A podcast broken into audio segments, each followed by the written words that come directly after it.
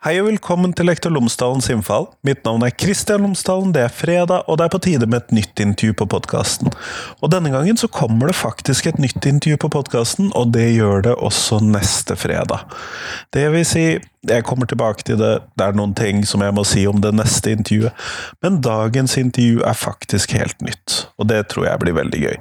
Denne gangen snakker jeg med Elise Vågen. Hun er utdanningspolitisk talsperson for Arbeiderpartiet på Stortinget. Og vi snakker om mobbing. Mobbing er i hvert fall utgangspunktet for samtalen vår.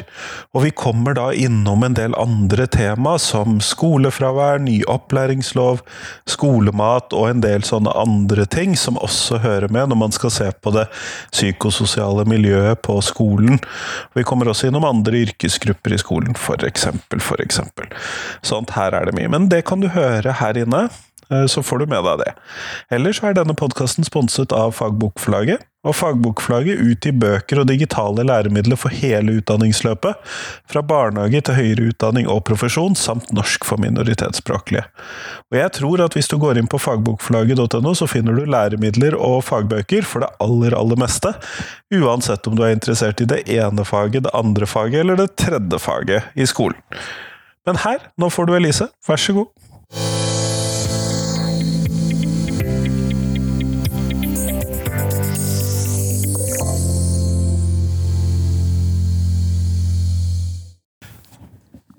Elise Vågen, tusen takk for at du har tatt deg tid til meg i dag. Det skulle bare mangle. Takk for at jeg får være gjest. Før vi kommer sånn ordentlig i gang med podkastintervju, så hadde jeg håpet at du kunne fortelle lytterne mine tre ting om deg selv, sånn at de kan få bli litt bedre kjent med deg. Ja, eh, jeg heter jo da Elise, og jeg bor i Sarpsborg. Jeg er mamma til ei jente på fem år. Um, og noe av det jeg ikke kan motstå eller gå forbi, det er salt lakris. Så uh, der har jeg en helt klart uh, svakhet. Jo, men eh, jeg forstår den veldig godt. Eh, så må man holde den saltlakrisen unna ungen òg, da. Men det... det er det, men der er jo liksom clouet, da. At når de fortsatt er så små, så klarer man å holde på gjemmestedene enda. Så de rekker heldigvis ikke så høyt opp. Det er vanskeligere med 13- og 14-åringen min. de har funnet gjemmestedene? Yes. Ja, ja, ja. Men i dag så skal vi snakke om mobbing, og da må vi jo nesten hva er det som gjør at du som skolepolitisk talsperson opplever dette som et særlig viktig tema? I bunn og grunn så handler det om noe så viktig som at alle sammen skal føle seg trygge og ha det bra på skolen. Og når vi ser på tallene, så vet vi at det er eh, ikke alle som har i hverdagen. Og det er eh, Vi kjenner jo historiene fra media, men også så er det jo mange som ikke har kjent det på kroppen selv, eller vet om noen. Og når vi har en fellesskole som vi inviterer alle elevene inn i, så skulle det bare mangle at man følte seg trygg, og at det var et sted hvor man faktisk mestra og har det bra. Og når vi vet at det ikke er tilfellet, så mener jeg at vi må gjøre mer. Rett og slett av hensynet til hver enkelt elev. Og da er jo det store spørsmålet i denne sammenhengen her, og det er jo kanskje også det som er fordelen med en podkast fremfor en skoledebatt, mm. eh, tid. Eh, hvordan tenker du at man faktisk kan få til å jobbe med mobbing. Det kan jo ikke være noe Eller vi kan jo ha et mål om å få null mobbing. Mm. Jeg er litt tvilende til at vi kan oppnå det noen gang, men hvordan kan vi jobbe med mobbing? Jeg mener jo at det er viktig å holde fast ved nullvisjonen som er der. Eh, og så er det jo stykket fra nullvisjon, som du sier, til faktisk realiteten. Og det er jo realiteten og hva man faktisk gjør som betyr noe. Men visjonen eh, er viktig ene alene fordi at vi skal ikke godta. Én eh, mobbesak er én mobbesak for mye. Men jeg tror vi trenger rett og slett mer kompetanse ute i skolene. Og det er noe av det vi vet ved evalueringene av 9A og de endringene som kom i 2017, er jo også det at praktiseringene enkeltsteder er for ulik. Og skal vi klare å komme tidligere inn og sørge for at saker ikke får eskalere og bli så vonde, men ta det ved rota, så tror jeg vi trenger å ha mer kompetanse. Men ikke bare hos lærerne, men det å bygge det sterke laget rundt som er med og følger opp og bidrar. Så har vi jo konkrete punkter i regjeringsplattformen vår som også handler om å få på plass et beredskapsteam eh, mot mobbing. Og det er en anerkjennelse av at hvis man står veldig tett i det som lærer, og kanskje som mamma, og pappa, elev, så kan det være godt med å få inn litt ekstra kompetanse på området, og noen friske øyne utifra. Så vet vi jo at det har vært gjennomført eh, prøveprosjekter med det tidligere, men det er enda ikke blitt rulla ut i alle kommunene. Og jeg tror det kan være noe av det som bidrar til både å øke kompetansen, men sørge for at ikke sakene får rulle og gå, men heller komme tidligere på å få den hjelpa man trenger der ute. Hva slags yrkesgrupper er det dere ser for dere i disse beredskapsteamene, eller er det noe som dere tenker at kommunene er nødt til å finne en modell for? Nei, det, både ja og nei. Det er jo litt varierende der ute. Men det som er viktig, er jo at du har folk som har en bredt sammensatt kompetanse. Som både kjenner skolene og kan eh, det faget i seg selv gjennom lærere, men også det at man kan eh, spesialpedagogikk, det at man har et blikk for elevers psykiske helse. Så de teamene kan være bredt sammensatt. Men i det så er det også viktig at man har mennesker som har muligheten til å ta beslutninger, og som kjenner systemene godt og er tett på og vet hvilke knapper man skal trykke på. Når vi da ser på mobbing, for du har jo trukket fram disse enkelthistoriene og vi, mm. eh, dette personlige, individuelle nivået i mm. det. Og det er jo selvfølgelig viktig, men samfunnsøkonomisk, hvilken betydning har eh, mobbingen i dag, sånn som vi har du noe jeg tror, ja, altså, jeg tror det er undervurdert, rett og slett. Og det har jo vært forsøkt regna på og beskrevet, og det vi vet er jo at mobbing setter jo varige spor, og at det er mange som ved å ha en langvarig mobbeopplevelse har fått, hatt det tøft over tid, også ta med seg det i voksenlivet. Og så kan vi jo bare ta et blikk da, på undersøkelser som viser økning av andelen unge uføre. Vi vet at andelen unge på arbeidsavklaringspenger som har en psykisk lidelse er hele 70% Og så betyr ikke det at det er, er lik en mobbehistorie andre enden. Det er ikke et én-til-én-forhold der? Nei, det er det ikke. Men samtidig så tror jeg ikke vi skal underslå betydningen av at hvis du har hatt det ordentlig tøft i oppveksten din, og hvis du har stått i langvarige mobbesaker, så preger det også. Og klart det er et tap både for samfunnet, men ikke minst også den enkelte, og det de, det de opplever å stå i familien over tid. Men uh, du er jo da på det politiske nivået, mm. åpenbart siden vi er på Stortinget. ja. uh, og hva kan dere da, eh, enten som stortingspolitiker i helhet, eller som Arbeiderpartiet, eller du som utdanningspolitisk talsperson, hva kan dere bidra med for å skape denne kompetansen ut i skolene? For det er jo litt Hva kan dere gjøre for meg som er der ute? Ja, ikke sant. Og det er et uh, viktig spørsmål. Og nå jobber vi jo langs flere spor. Uh, nå kommer det en ny opplæringslov nå til våren, og det er kjempeviktig. Den gleder jeg meg til. Ja, jeg òg. Det er et kjempeviktig arbeid. Og jeg mener jo at dette er en av de viktigste lovene vi behandler i Stortinget denne, denne stortingsperioden. For den er så formende for hva innholdet og hva vi tilbyr elevene våre. Og det er jo få ting som er viktigere enn faktisk hva vi skaper av rammere for god læring. Så i det så er jo også 9A en del av det, og der har vi vært tydelige på i regjeringsplattformen at vi vil gjennomgå 9A sammen med både lærerorganisasjonen og partene og, og, elevene, for å sørge for at både elevene sin rettssikkerhet og lærerne sin rettssikkerhet blir ivaretatt. For det har jo vært noe av ankepunktet også etter innføringene som kom i 2017, at hvert har vi klart egentlig å balansere alle hensynene i de krevende ja, sakene. Er det jo en viss uenighet mellom lærerne og elevene har jeg notert. Det er det, eh, helt klart. Men så tenker jeg at det er jo ikke et nullsumspill. Det er jo ikke sånn at hvis du øker lærerne sin rettssikkerhet, så fjerner du litt av elevene sin. Her handler det om å få undersøkt ordentlig sakene, få all fakta på bordet før man setter inn tiltak. Og der mener jeg at den NOU-en da, som ligger nå til grunn for det lovarbeidet som gjøres, kommer med en del spennende og viktige tiltak som setter fingeren på en del av det som jeg vet mange lærere har kjent på. Jeg er veldig sikker på at jeg kommer til å sende deg spørsmål om et nytt intervju når vi ser hvordan den loven faktisk har endt opp med å være. Jeg er klar. Men da skal jeg også intervjue noen av dine kolleger tror jeg, fra de andre partiene, siden du sitter på førersetet. ja. men, men, det er jo klart, loven er jo en del av det. Eh, men det, og det er viktig at loven legger til rette for å både forebygge og følge opp mobbesaker godt. Men så handler det jo også om som vi om, hva er det som skjer i praksis. For loven er ikke alltid to streker under svaret om hva Nei, som skjer der ute. Nettopp. Og da er det jo både en ressursspørsmål. Hva er det egentlig man har uh, å forvalte ute i kommunene? Er man nok ansatte? Har man nok å spille på? Har vi et godt team rundt elevene? For mange ganger så er svaret på det nei, uh, hvor lærerne er nedlest stressa, hvor man har altfor mye å gjøre, og hvor du kanskje ikke Det er litt for lang vei til å få, sørge for at du får det ordentlig gode, brede laget med flere fagpersoner rundt. Så det er jo klart noe vi jobber med, som bl.a. skolehelsetjenesten er en del av. Og så har vi jo de konkrete punktene som er innom med beredskapsteam, og sørge for at man får på plass et kompetanseprogram. Og det er klart, vi bruker mye penger på etter- og videreutdanning i skolen, og det at mobbing kan og bør være en del av det, det er jeg helt sikker på at det, det hadde gagna mange. Har det vært vurdert også å øke andelen kompetanseinnhold om mobbing og den typen tematikker i lærerutdanningene? For i rammeplanene for lærerutdanningene er det jo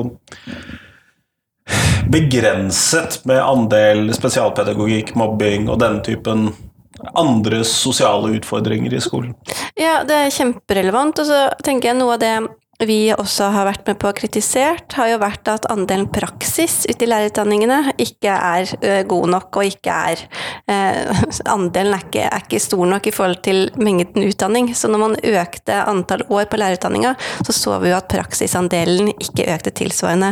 Så jeg mener det å få til den gode koblinga med hva du lærer om mobbing i lærerutdanninga, men også det å kunne se, anvende og drøfte ute i praksisfeltet etterpå, at det for ofte så blir blir det liksom for klare skiller på hva man lærer i skoleboka, og så kommer man ut og blir kasta ut en praksis. Uh, og så er det noe med at her uh, så er det litt for mye gap noen ganger. Men det å få bare ta del i de diskusjonene, og få lov til å drøfte i et kompetent fagmiljø allerede som student, det tror jeg er kjempeviktig. Kunne det være aktuelt å øremerke midler til denne typen, til mentortiltak, til sånne team som vi snakket om i stad? Eh, til utdanningsinstitusjonene for å drive praksis i større grad. Mm. Den typen øremerkinger til den typen aktiviteter, da? Absolutt. Eh, og klart en del er jo viktig at man øker rett og slett kommuneramma, eh, for å sørge for at kommunene har nok folk til å ansette. Så man slipper en salderingspost? Ja, ja, ikke sant. Eh, og det er jo helt avgjørende. Hvis ikke så kommer vi ikke mål i andre enden. Så klart, hver enkelt krone man har å rutte med i kommunen, altså, det er jo det som gjør om vi faktisk klarer å skape gode skoler der ute. Men når vi sier at vi vil ha på plass et beredskapsteam, og når vi sier at vi har på plass et kompetanseprogram, så må vi selvsagt se hvordan er det vi skal få til dette i praksis, som gjør at hver enkelt kommune følger opp. Og øremerking er ikke utelukka, men vi er på jakt etter flere verktøy. fordi jeg tror vi skal anerkjenne at liksom, det her er en kjempeproblematikk. Og det, det som vi snakker om, så angår det jo selvsagt hele samfunnet, men også den enkelte. Og jeg tror ikke det er bare meg som får ordentlig vondt i magen når man hører de historiene som har pågått over tid, og hvor man ikke har klart å liksom, komme til bunns eller klart å gjøre en forskjell. Så så det å være nysgjerrig på å se på en måte kan vi gjøre mer, er det mer vi kan få til i fellesskap, så er vi, ja, vi er klare. En av de tingene som eh, ofte kommer opp når jeg jobber med mobbing i podkastformat eh, her, er jo koblingen mellom eh, mobbesituasjoner og elevene som er nevrotypiske, har ADHD, autismespekterdiagnoser, andre lignende diagnoser og uh, udiagnostisert, uh, som i større grad enn andre elever opplever mobbing. Mm. Um, det gjør jo at For disse elevene skiller seg ofte litt ut fra de andre elevene. Uh, har dere gjort noen tanker om hvordan vi kan jobbe bedre med dette, eller sørge for at vi har den kompetansen vi trenger for å klare dette? Nei, jeg tror jo det er liksom noe til bunnen også på hva er det som ligger i den mobbeproblematikken. Når man har, skal ha et kompetanseprogram, så må man jo også se på altså, i tallet hvem, hvem er det som faktisk er hardest ramma her, og hvordan er det mobbing foregår. Der vet vi en del, men jeg tror vi trenger også bare minne oss selv på det og bli bedre ute i skolene. Og, men bare det å skape en forståelse for at ja, vi er ikke alle like. En del er ulike, og der er jo noe av det som er så fint fint med skolens brede mandat også, med at vi skal faktisk lære å leve sammen, gå sammen på skolen, og også videre ute i samfunnet og arbeidslivet, selv om vi kommer fra forskjellige miljøer, og selv om kanskje noen har noe ekstra i bagasjen som gjør at eh, vi ikke nødvendigvis er helt like. Og det er jo noe av det grunnleggende også som må ligge til grunn når vi jobber med mobbing. Og det, jeg tror vi kommer langt også med å ha ha mer kompetanse om det, både hos lærerne, men også i foreldregruppa. Og at ja, i vår klasse så er det eh, litt ulik sammensetning, og hva er det vi sammen kan bidra for å skape et godt skolemiljø. Hvordan tenker du at dette henger sammen med barnehagene? Du er jo talsperson for en hel sektor. Mm. Ja, er det. Eh, hvordan kan man, kan man gjøre noe i barnehagene for å skape en bedre skolemiljø for elevene i skolen? Ja, jeg tror noe av det viktigste vi gjør for barnehagene nå, er å sørge for at vi hever kvaliteten. Og skal vi få til å heve kvaliteten, så må vi sørge for at de som er ansatt i barnehagen, har god kompetanse. Og det er jo noe av derfor vi nå jobber for å øke andelen barnehagelærere. Og jeg er sikker på at ved å få på plass mer kompetanse i barnehagen, som er tettere på ungene, så er det kjempeviktig også for å gi ungene de riktige verktøyene inn i skolen, men også til det å se og avdekke tidlig. For vi vet at mange steder så er det jo det er jo den samme barnegruppa som går i barnehagen og som kommer videre inn i skolen. Og er det noe som skurrer, ikke fungerer, så er det unødvendig at det er noe som skal dras med videre i skolen, men det er noe med å ta det allerede ved rota, og det å lære å fungere sammen. Og jeg tror vi skal være eh, åpne på at det mobbing skjer også i barnehagen, men da er vi nødt til å ikke vente med skolen, for når vi kommer til skolen for å gjøre noe med det. Nå har vi jo vært litt sånn, hva skal vi kalle det, problemorienterte. Vi har det, men det er jo et stort problem òg, da. men hvordan trives egentlig norske elever i skolen? Nei, At de aller fleste har det jo bra, det vet vi jo. Men samtidig så vet vi jo at hvis vi f.eks. ser på motivasjon, da, så skjer det noe med elevene fra sånn som min jente som er fem år, som bare gleder seg så mye til å begynne på skolen neste år, og som har fått noe som de kaller lekser i barnehagen, men som handler om at de skal fargelegge og ta med tilbake igjen igjen og syns det er superstas, for hun har fått lekser, hun på samme måte som Hun er stor. Hun er kjempestor. Hun har vokst en meter i høst. Det, men det er noe med at det engasjementet, da, når de får disse oransje sekkene og løper inn på skolen og er så stolte og motiverte, og så vet vi at det, fram til femte klasse og femte klasse og utover, så skjer det noe med motivasjonen deres. Og det er, det er manglende motivasjon som også tar med seg videre inn i ungdomsskolen, og som gjør at flere også ikke fullføre videregående. Så jeg tror det er viktig at når vi nå ser på og skal få flere til å gjennomføre videregående, at vi ikke begynner med jobben idet den starter på videregående, men at vi tar det ved rota. Så er nysgjerrig på hvor, hva, hva kommer da? De ungene som bare løper inn, og som er så liksom sultne på kunnskap og fellesskap og det å lære som, som seksåringer, og så går det egentlig ikke så mange år, og så vet vi at det er en del av det hvor pilene begynner å peke nedover. Det, det er jo noe derfor vi nå har starta jobben med det som kalles en ungdomstidsmelding. Og det handler rett og slett om at vi ønsker å gjøre endringer i ungdomsskolen. Men vi ser jo det at ungdomsskolen er jo litt for sent, det også. Vi, altså her starter jo mye av det allerede kanskje i femte klasse. Og så er det mye av det som skjer i livet til eh, store barn og ungdommer som ikke nødvendigvis handler om skolen, men det påvirker dem jo også inn i skolen. Og vi vet jo det at unger som har det bra, de lærer bra. Og stress, press, sosiale medier, alt det vi kjenner til fra en ungdomstid i dag, er jo også med å påvirke dem. Så med den ungdomstidsmeldinga her, så ønsker vi å ansvarliggjøre oss selv på tvers av sektorer. Altså både på helse og, og, utdanning, og se hva er det vi sammen kan gjøre her for å gjøre endringer som gjør at ungene våre kan trives enda bedre og gjøre det bedre. Og vi får ut sitt fulle potensial i skolen. For at de som føler seg utilpass, og de som har en manglende motivasjon allerede i femte klasse, de, dessverre så vet jeg at det er vanskelig å hanke dem inn igjen. Det blir tungt å begynne i første gym, da. Det gjør det, og for mange av dem gjør ikke det heller, eller kanskje ikke fullfører det, det hele det første året. og da, da, kjenner vi jo statistikken. Det er vanskelig å få en trygg, fast jobb, det er vanskelig å få en fot innafor. Både for den enkelte da, det å ikke oppleve å ha den sikkerheten i livet sitt, ha muligheten til å få boliglån og etablere seg og stå liksom hele tiden den utryggheten for en fast jobb, men også for samfunnet, det tapet som det faktisk er. Så jeg er overbevist om at det er noe av det viktigste vi gjør, er å sørge for at flere gjennomfører videregående skole, men da starter jobben så veldig mye før òg, før den begynner på videregående. Og det ser vi jo i Norge. Norge skiller seg jo litt ut med hvor vi gir spesialundervisning eller tilpasset opplæring, eller henter ut folk i egne grupper, eller hva vi nå gjør med disse elevene. Mm -hmm. Det gjør vi jo mye nærmere tiende klasse enn første klasse. Um, har dere noen tanker om å endre på dette, eller er det noe som må overlates til skolen, eller kan Ja. Nei, altså nå setter vi jo mer penger i statsbudsjettet til spesialpedagogikk, eh, og en større satsing på det. Og jeg er sikker på at med all det fokuset og den satsingen som ligger på etter- og videreutdanning for lærere, så er det mulig å også dreie en del av den innsatsen på hvordan er det vi skal se, avdekke og tilpasse. Og så er jeg sikker på at ved å ha enda mer rom for læreren til å være lærer. Ved at vi rydder bort noe av det som er tidstyver, så gjør det også at man klarer å tilpasse undervisningen enda bedre.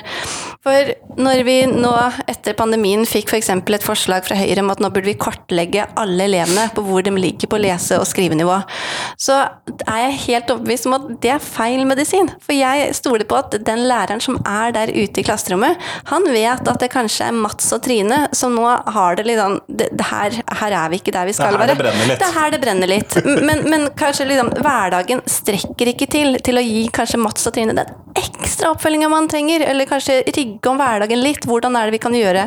Og da mener jeg at det er jo ikke nødvendigvis enda flere tester og målinger vi trenger. Da er det det å styrke laget rundt Mats og Trine som faktisk gjør at de får den ressursene de trenger når de trenger det.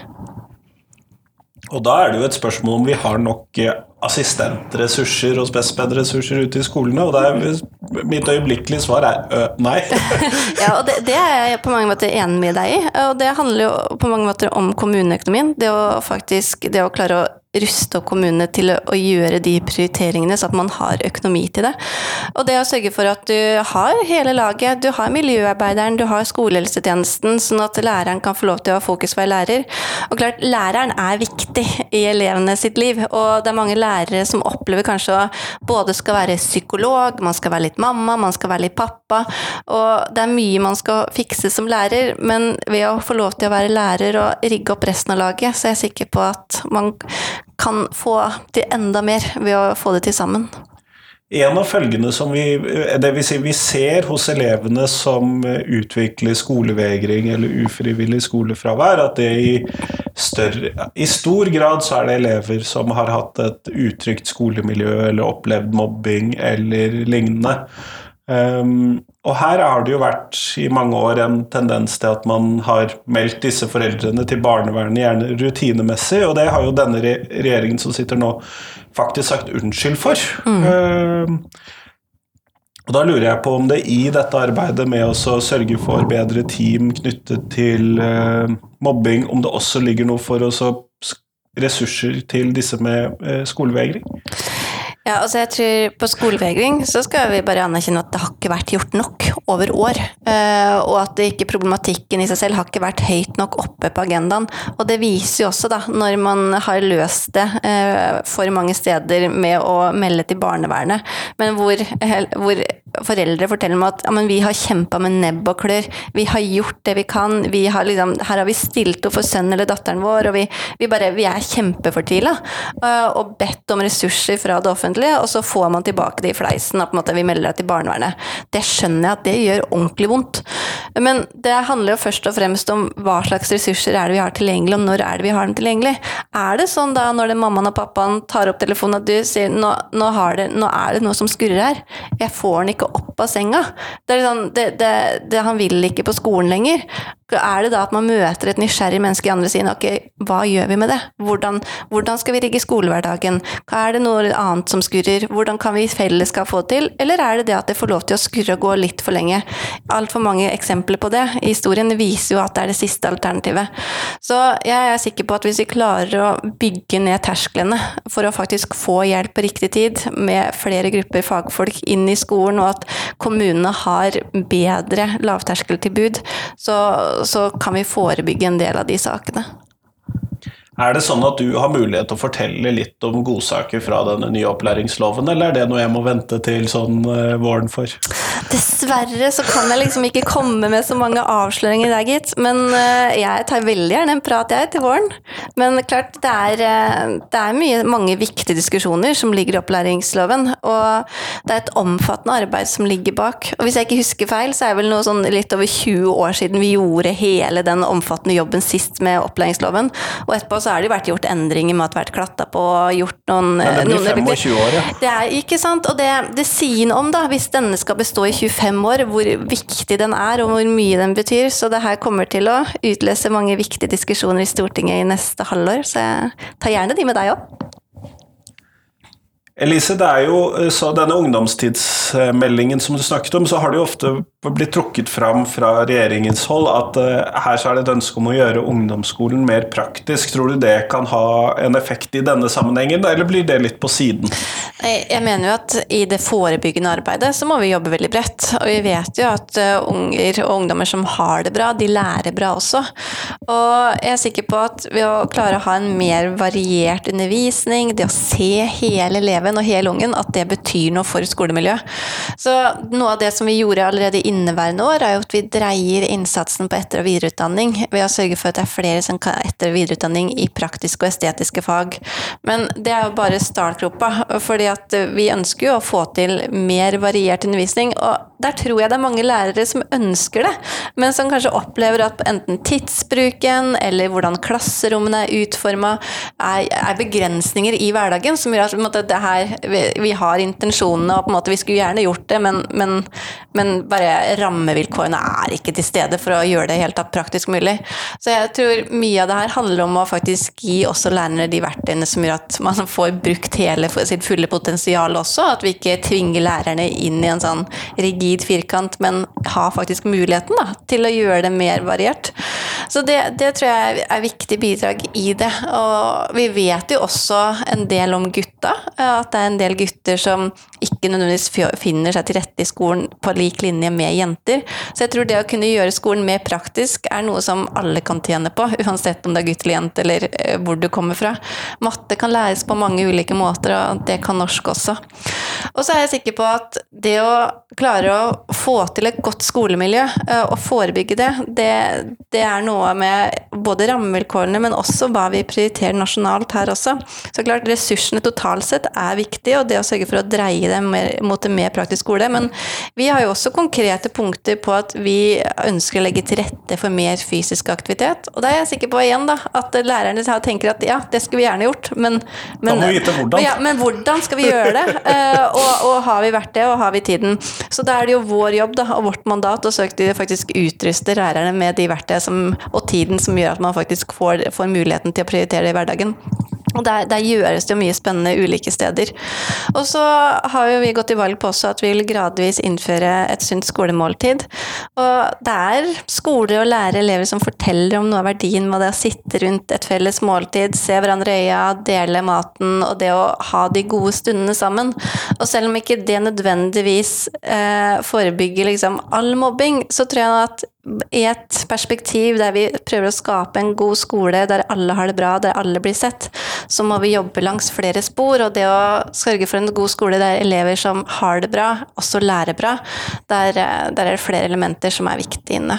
Så neste år så kommer jo folkehelsemeldingen, og det er der vi da kommer til å beskrive skolemåltid. da, Hvordan er det vi skal få Nettopp, til der. Så den kommer ikke i en ungdomstidsmelding, den kommer i en egen Nei, altså dette er jo litt spesielt, da. Men vi er, vi er jo egentlig ganske sektorstyrt når det kommer til uh, disse tiltakene. Så skolemat uh, og, og skolehelsetjenesten, det er jo sånne ting som er finansiert og rike av Helse- og omsorgsdepartementet. Så du er ikke talsperson for disse temaene, egentlig? Nei, men jeg bryr meg jo så veldig om det likevel, så jeg klarer jo ikke å la være. For jeg mener at det er jo, altså, det, det er jo noe med hele riggen rundt ungene, da. Så de, de må nok eh, tåle at jeg mener litt om det, jeg òg.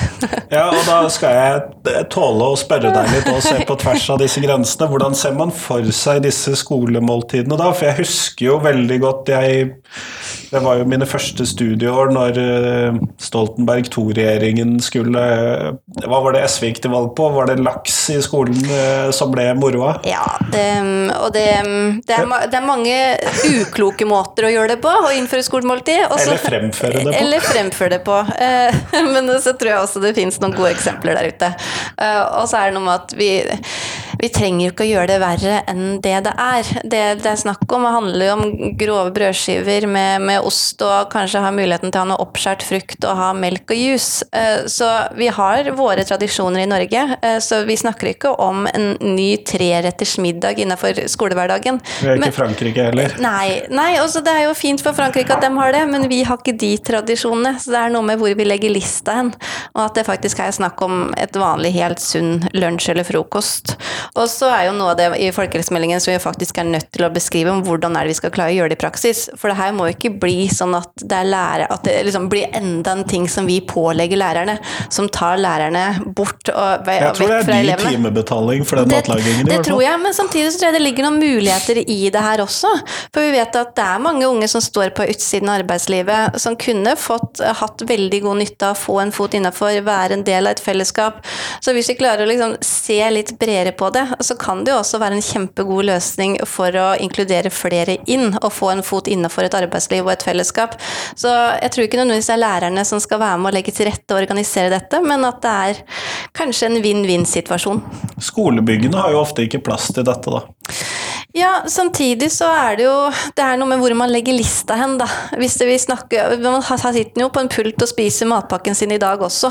Så hvis lista er der at man faktisk skal ha en grov brødskive, og man skal ha frukt, og man skal ha litt variert pålegg, eh, så krever det mye mindre enn om du skal servere den varme laksen som vi snakka om i sted.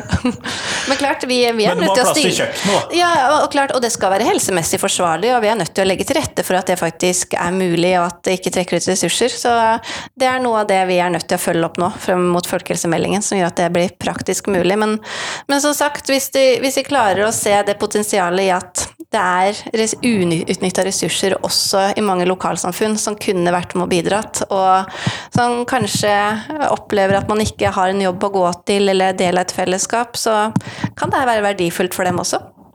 Og da må jeg nesten fremføre en potensiell kritikk fra Høyre, som jeg mistenker at de allerede har kommet med. Så det er mulig at du kjenner de spørsmålene fra før av, men er det ikke viktigere å gi de flere skoletimer i matematikk, engelsk og norsk enn uh, fòr på skolen, som er foreldrenes ansvar?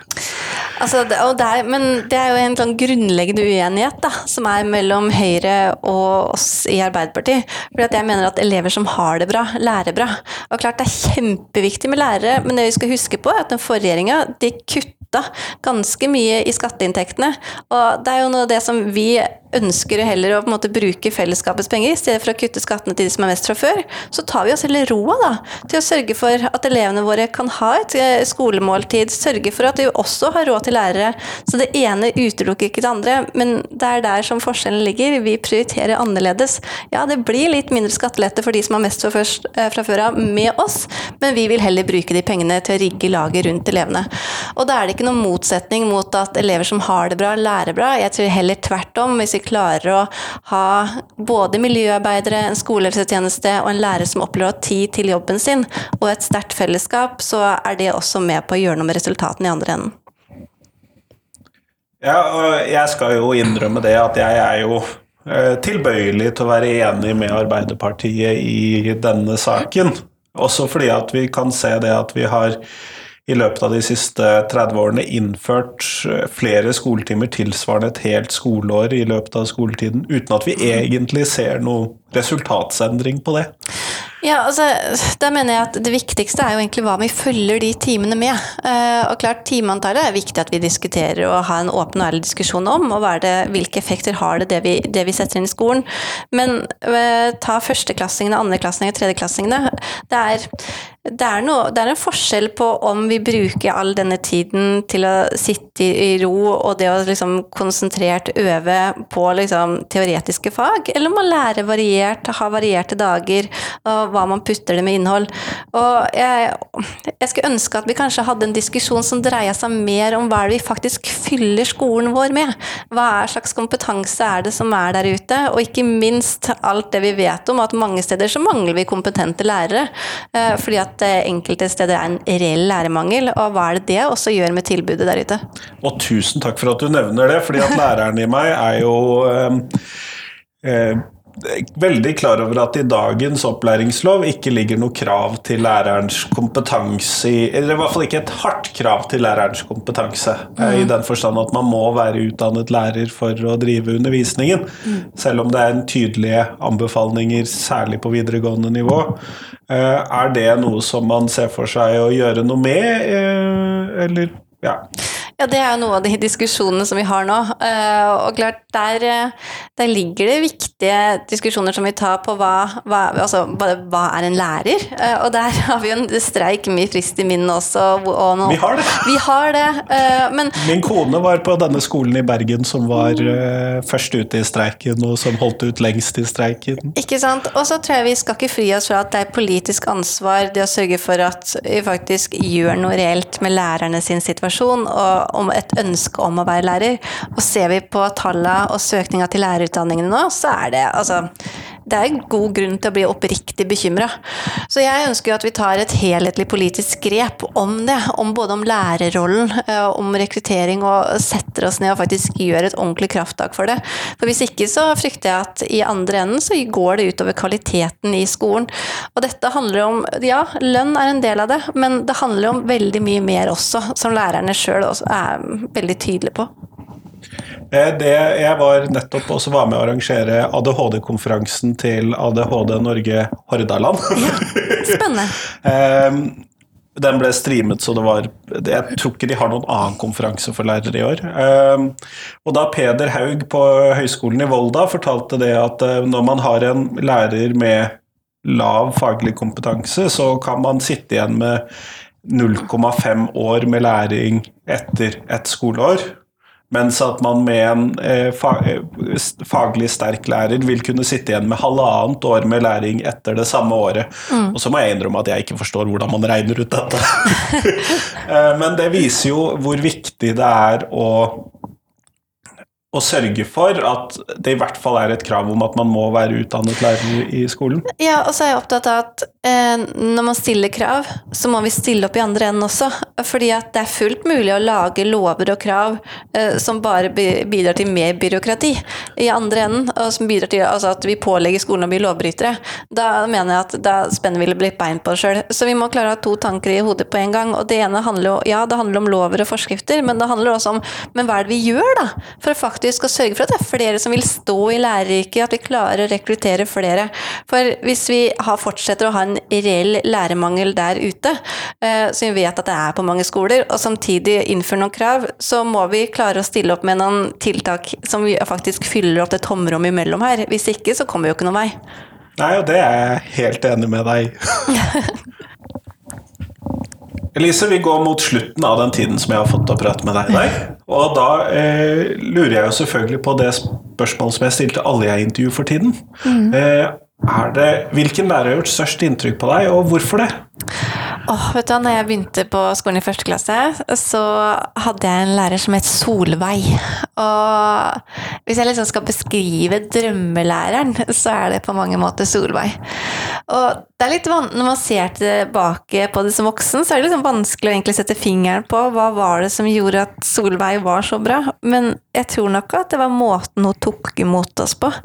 Opplevelsen av å bli sett, opplevelsen at, eh, at det var en trygg voksen der som, som i tillegg til å liksom ha stødig klasseledelse, men som også var en veldig delaktig del av miljøet. Så Solveig er på mange måter min drømmelærer. Kjempeflott. Tusen takk for at du tok deg tid til meg i dag. Takk for at jeg fikk komme.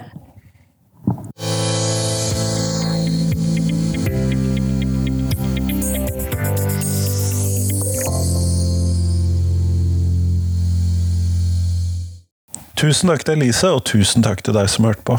Nå er det en uke fram til neste episode. Nei, vent litt, det er det ikke. Det er selvfølgelig på tirsdag, for nå var vi på en fredag. Og det tror jeg blir gøy. Det kommer selvfølgelig et nytt og interessant intervju på tirsdag, så jeg gleder meg som alltid til det. Da er det Madeleine Brovold fra Høgskolen Innlandet som kommer på podkasten. Så det ser jeg fram til. Og så fram til da så tenker jeg at du skal få lov til å ha en glimrende helg. Men send meg tips til nye intervjuer på podkasten. Noen av dere har gjort det allerede denne uken, og det har jeg vært veldig glad for, men send meg alltid mer tips. Nå har jeg spilt inn intervjuer fram til februar eller der omkring, sånn at jeg trenger ikke å stresse så veldig mye med dette, men samtidig det er flere halvår som skal fylles med episoder, og jeg kommer ikke på dette alene. Sånn at jeg blir veldig glad hvis du sender meg tips til nye intervjuer. Ha en fin helg. Hei, hei!